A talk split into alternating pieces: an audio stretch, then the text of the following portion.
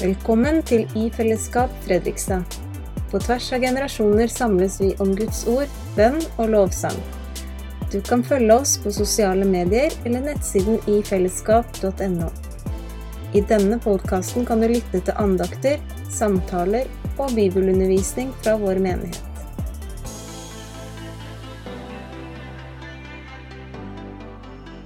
Jeg får jo si det, Jon, at eh, treffer jeg riktig? Eh, det er noe du stiller av. Eh, et spørsmål. Og Jesus han er vårt forbilde. Det er det ikke noe tvil om. Eh, og vi har mange forbilder, og det er viktig å ha forbilder. Vi har vi husker Fra historien så husker vi om Hans Nilsen Hauge. Han er populær nå for tida, egentlig. Han er et forbilde for mange. Ikke bare rent åndelige, men også i det å drive bedrifter og, og vinne og få med seg folk osv. Så videre, sånn rundt en idé om å gjøre et eller annet. Så forbilder, det er viktig. Vi som er samla her, vi er heldige som har Jesus da som forbilde. Og det gjennomsyrer egentlig eh, ikke bare livet vårt, men eh, ja, hele livet vårt egentlig, og alt vi gjør. Det må vi ha tro for. Jeg eh, hørte på gudstjenesten og kjørte hjemover i dag. Vi har vært en tur på hytta. Og i dag så var det fortellingen om vintreet. Og det handler egentlig litt om det samme, og det som vi kan lese i andre Korinterne, som vi leste nå for litt siden.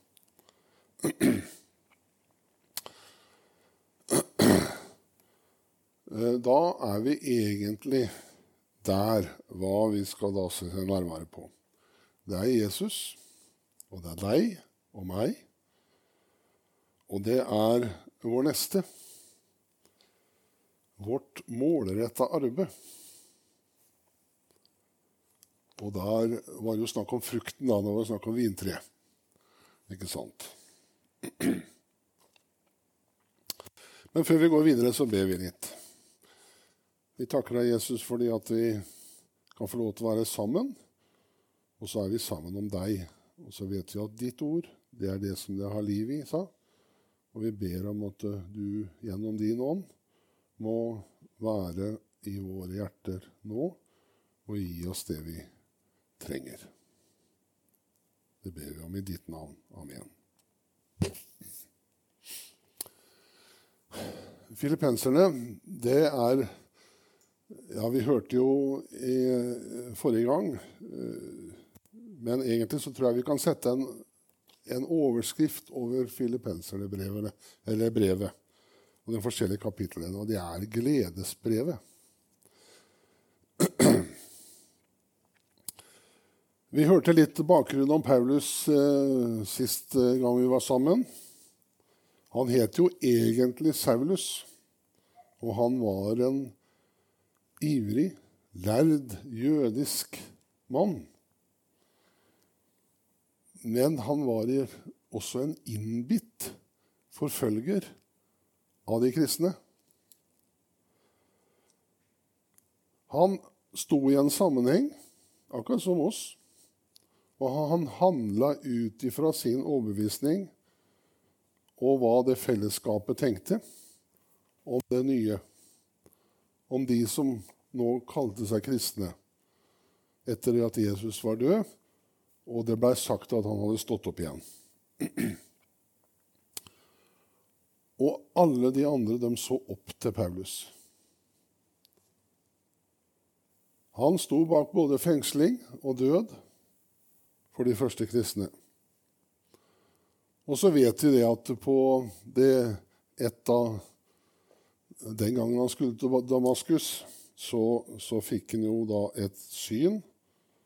Han blei blenda, og han mista synet sitt og falt til jorda. Og så blei han avhengig av en annen person. Og Så ble han satt inn, for han ble tatt med, og så ble han satt inn i et helt annet fellesskap enn han var vant til å ferdes i.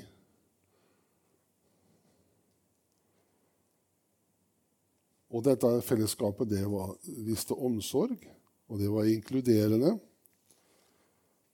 Og så hans liv fikk fra da et fullstendig Det ble snudd helt opp ned og fikk fullstendig et helt nytt fokus. Nå ble det oppbygging og ikke oppriving av kristne fellesskap. Vi kan godt si at vi kan ha Paulus som et forbilde også. Eh, Og det kan vi hevde med rette at Paulus var en spesiell person. Men han trengte hjelp. Han øh, var avhengig av relasjoner. Han måtte ha oppmerksomhet rundt det han drev med, akkurat som deg og meg. Så han var et menneske, akkurat som oss. Under Paulus' andre misjonsreiser så, så, vet vi at han eh, fikk et nytt syn. Og det var en makadonier som sto på andre sida av dette stredet og ropte og sveiva med handa 'Kom over til oss. Kom over og hjelp oss'. Og Paulus han var sammen med en kar som heter Silas de dro jo over der. Og da kom de altså til Europa, vår lands verdensdel. Og de kom til byen Filippi. Det hørte vi litt om forrige gang òg. Filippi var en romersk garnisonsby. Altså den var en festningsby uh, for romerne. Og uh, da Filippi var en travel handelsby. Det var få jøder som bodde der i Filippi. De hadde ikke noe synagoge, men de samles hjemme. Og så hadde de et bønnested nede ved ei elv, står det. Og så er det dit da som Paulus og Silas drar. Og så treffer de da ei dame som heter Lydia. Og hun drev og handla med, med dyre klestøy. Men så står det at hun levde da etter jødenes skikk, så hun hadde altså peiling på, på uh, det med Gud. Hun kjente til Det gamle testamentet og hva som sto der. Og så uh, kommer de altså i prat med henne. Men så får altså hun da gjennom samtalen med Paulus og Silas så får hun gleden over å møte Jesus gjennom det at de får sitte der og prate sammen og fortelle om. Det er sånn det, det, si, kraften i det som vi mennesker kan ta med oss inn i et møte med Paulus, som jeg prøvde å si litt om i stad. Han var ikke noe annerledes enn deg og meg. Men de, eh, vi leste i stad de holdt seg til livets og hadde livets ord. Det hadde Paulus med seg. Hadde fortellingen om Jesus og hva han gjorde. Men så vet vi jo det at eh, det blei uro, og sånn var det stadig vekk når de kom til et sted. Og så var det jødene som blei misunnelige. Og de satte ut falske rykter og så videre og klaga på den. Og så og så ble de satt i fengsel. Og så eh, sitter du jo der og synger, da. Og, og forteller overfor disse medfangene sine eh, om det de har i hjertet sitt. Og så vet vi jo det at det, det kom jo et jordskjelv som resulterte i at eh, døra gikk opp. Det skrangla sikkert fælt, og lenkene eh, løsna. Eh, så egentlig så var de frie, disse der inne. Og det var ikke noe rart i at han, fangevokteren han våkna etter de elevene, som helt sikkert var i forbindelse med det jordskjelvet. Og han fikk jo et sjokk da, for han trodde det at det, nå var de borte. Men eh, sånn var det jo ikke, så Paulus roper til ham at eh, du, du, må ikke gjøre deg noe, noe, vondt, fordi at vi sitter her fortsatt. Og Så fortelles da at fangevokteren og hele hans hus ble kristne den natta. Og så gjennom disse menneskene Det fortelles om en slavekvinne som vi hørte litt om forrige gang òg. Og gjennom disse menneskene så blir det altså danna en menighet i Filippi. Og de får et svært sterkt og nært forhold til Paulus, som lever ut sin, og som lever ut sin kristne tro for dem som er rundt seg. Så menigheten, den ekspanderer.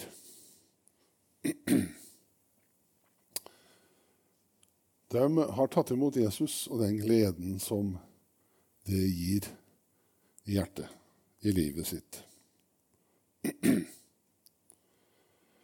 Nå sitter altså Paulus da i et nytt fengselsopphold.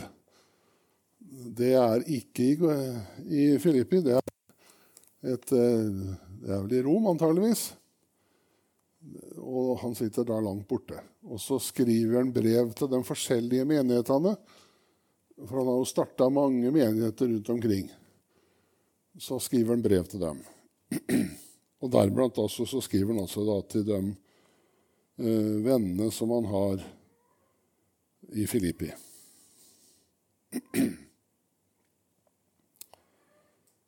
Han kjenner på ansvaret som eh, han har for dem. Og eh, vi får et godt innblikk i hvordan et godt fungerende kristen fellesskap er. Og vi skjønner at de ser ikke bare det si, det åndelige ved å samles om Guds ord. Men de ser også det menneskelige, det materielle. De ser Vi hørte jo om uh, forrige gang og også tok om at de hadde, Paulus hadde innsamling. Og de sendte midler uh, både hit og dit og for å, hjelpe til. For at folk skulle ha det si, menneskelig godt. da. Men Paulus minner dem på at de eh, skal altså arbeide på sin frelse i trofast lydighet. Paulus har forkynt og sagt at det gjelder ikke bare deg. Det gjelder alle de andre som, ikke, eh, som ikke bor i Filippi. Det gjelder også naboen din, men det gjelder dem som også er utafor.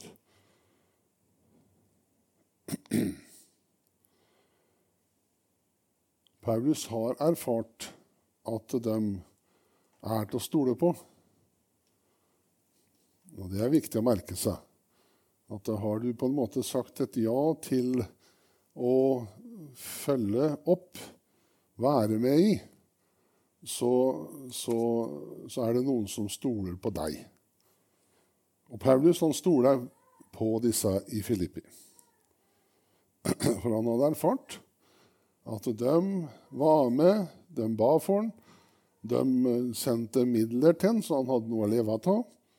Og de hadde jo også sendt en kar, som vi leste om, Afrodittus.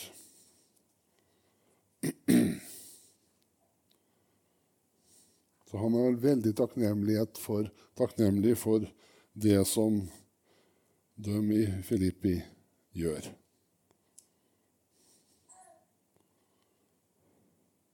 Og Det har alt å si for helheten i et menneskeliv. Og det blikket som vi har for oppgaven og dem som står utafor fellesskapet. Både de nærmiljøer som jeg sa, og de som vi ikke kjenner, men som vi vet er kalt inn til Guds nåde og frelse.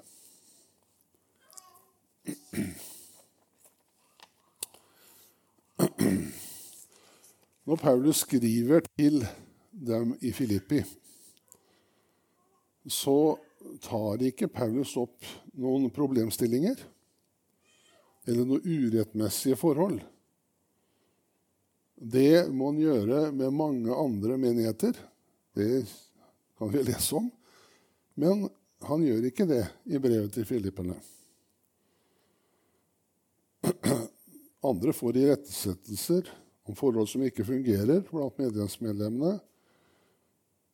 Og så sånn er det ikke. De lever i et nært forhold til Jesus og hverandre.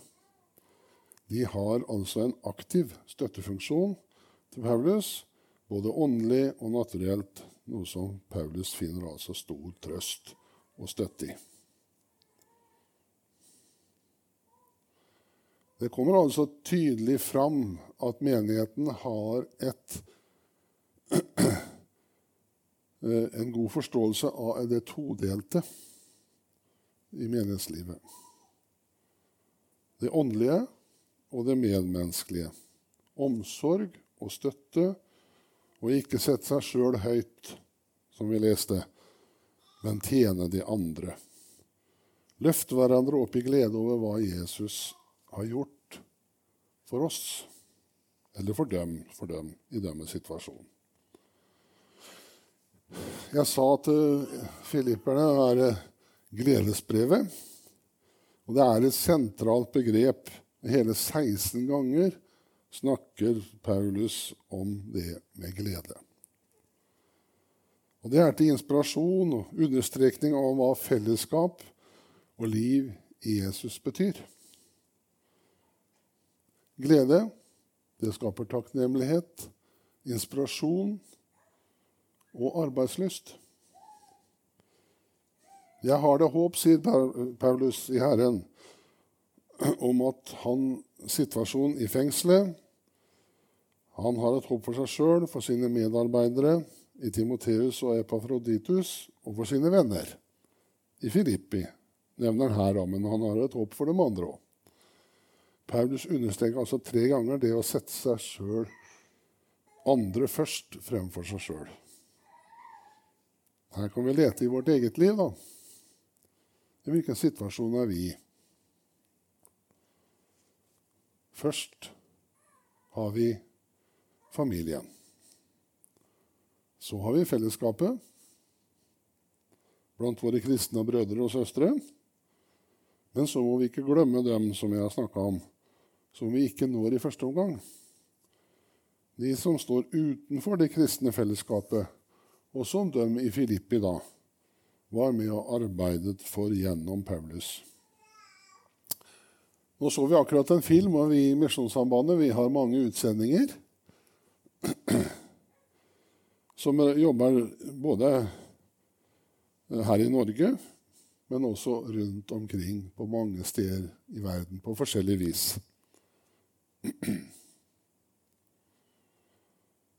Det er mange unåde, også langt der ute, men også her hos oss. For meg så har leirarbeidet her på Solvågta, eller ut ifra Solvågta, vil jeg si For barn og ungdom, det har vært sentralt gjennom alle år utadretta arbeid. Det med oppfinnsomhet osv. Vi må sette inn støtet. Mye av oppmerksomheten vår går mot det å bygge og styrke, og som riktig er. Men vi skal leve som lys og salt. Og da retter vi blikket utover familien, utover forsamlingen og det kristne fellesskapet. Da er det tjenersinnet. Han ber oss om å se og lære av Jesus. Han som ga avpål, avkall på posisjonen og fornedra seg sjøl og ble lydig til korsets død. Altså I dette har jo Gud opphøyda ham og gitt ham et navn som er over alle navn, som vi sang så fint. I Jesu navn skal hvert kne bøye seg og kjenne at Jesus er Kristus og Herre til Gud Faders ære. Gud er den som virker i dere, sier Paulus, og nå til oss. Og så leste vi eh, kapittel, vers 15 og 16. Da var det snakk om at uh, var, de var som skinnende stjerner som blinka. Og vi har vel alle vært ute en mørk vinternatt. Nå, som jeg sa, så kom vi fra hytta, nå var det fullmåne. Og det var hvitt overalt, så det var nesten ikke noe råd å se noen stjerne, for det var så hvitt og lyst. Men eh, stjernene er enda finere når himmelen er mørk, og det er mørkt rundt oss. Så kan vi jo spørre skinner vi da? Hva er det som gjør at vi skinner? Da er vi tilbake til begrepet glede. Men da skal vi se litt på han som er det sanne lys. Vi kan lese i Første Mosebok om skapelsen. Om himmel og sol og måne og stjerner. Og et mylder var det faktisk av stjerner. Et, og det kan vi se med øynene våre. Et fantastisk skaperverk. Nå hadde vi jo funnet ut det at det var, var det Jupiter som var mye større enn de hadde regna på, disse forstandige oppi hodet. De hadde regna på at eh, de hadde, de hadde, riktig med antall måneder rundt, men de hadde ment at det var så stort. Men han var jo mye, mye større. Så det, det som er der ute i skaperverket Jon var innom det som vi ser for øya, med de små som spirer osv. Og, og så har vi det uendelige der ute. Det er fantastisk.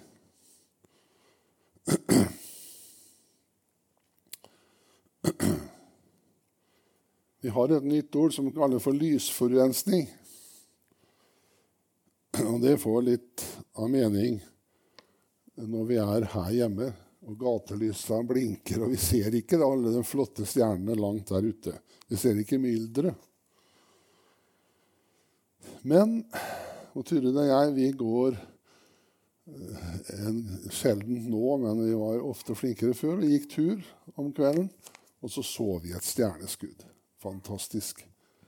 Og da kunne vi ønske oss noe. Jeg tipper dere også har gjort det. Det er et blaff for øyet. Det er morsomt å se på. Men så kan vi lese litt om, om Jesus i Johannes 8. Da er det løvhyttefest og lysfest. Det er stor, altså Folk er samla tem i tempelet og ute på tempelplassen, og det er lysfakler rundt omkring. For det er, det er til minne om, om den si, vandringa i ørkenen og loven som er Guds lys for israelittene. Og det er masse mennesker. Fullt. Og midt oppi dette her så roper Jesus, 'Jeg er verdens lys'. For meg det vil si det altså det er mitt lys Jesus er. Ikke for øyet, men for hjertet. Mitt liv. Den som holder seg til meg og mitt ord, skal ikke vandre i mørket, men ha Livets lys leser vi litt senere i Johannes. Jesus gir hjelp, trygghet og fred. Hjelp til å klare den tunge dagen. Hjelp til å glede seg over familie, venner, det kristne fellesskapet, misjonsarbeidet, Solbukta med leir, og hjelp til å takke. Jesus ser hele meg. Han ser mitt liv. Han vil være en lys for min fot og en lys for min sti. Vi får stå ansikt til ansikt. Det vakreste i verden er når et menneskes øyne blir fylt av lys som stiger opp fra innesiden, sier Karsten Isaksen. Det ser vi når vi henter ungene våre i barnehagen eller på skolen. Vi ser det på en togstasjon eller flyplass eller et eller annet. Og søkende øyne som speider etter sitt ansikt og fylles med lys fra innersida når ansikt møter ansikt. Vi ser også når et menneske, kjempende menneske, har søkt Guds ansikt og erfart Guds nærvær. Da kan vi se et gjensyn av Guds kjærlighet i menneskeøynene. Det er mye forurensning som vil påvirke livet mitt.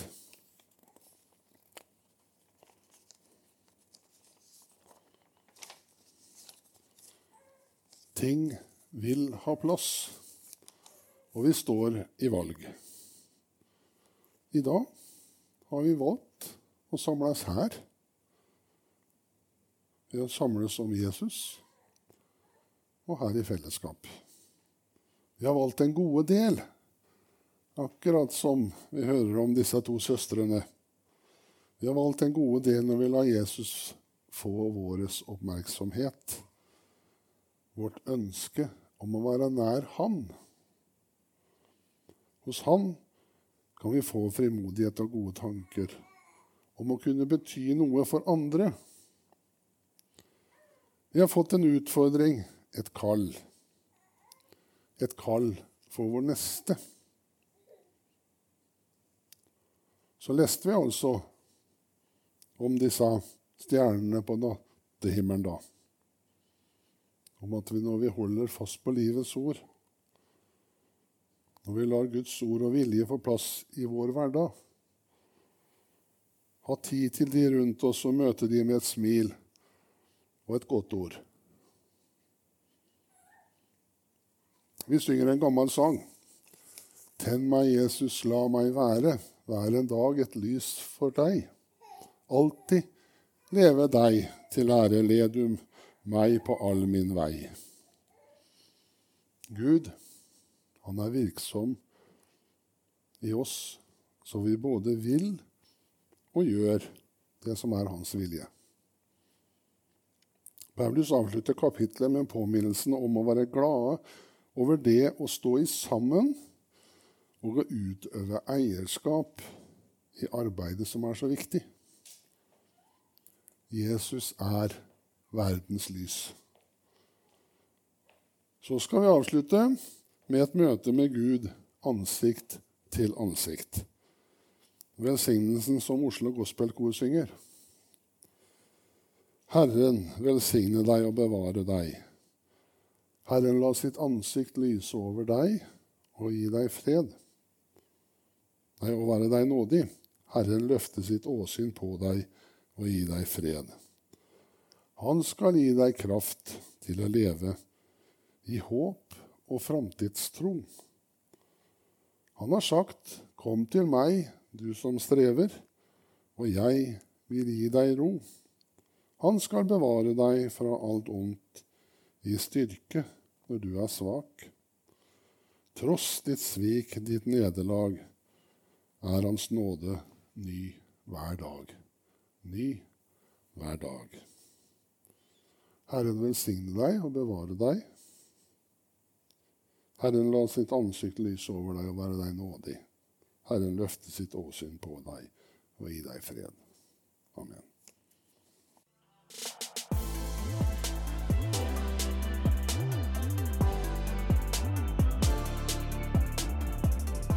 Takk for at du har hørt på podkast fra I Fellesskap Fredrikstad. Vi håper det blir til velsignelse for deg. Vårt mål er å finne de som søker, og bevare de som tror. Sammen vil vi dele livet, tjene hverandre og vokse som Jesu etterfølgere, medvandrere og fellesskap. Velkommen tilbake.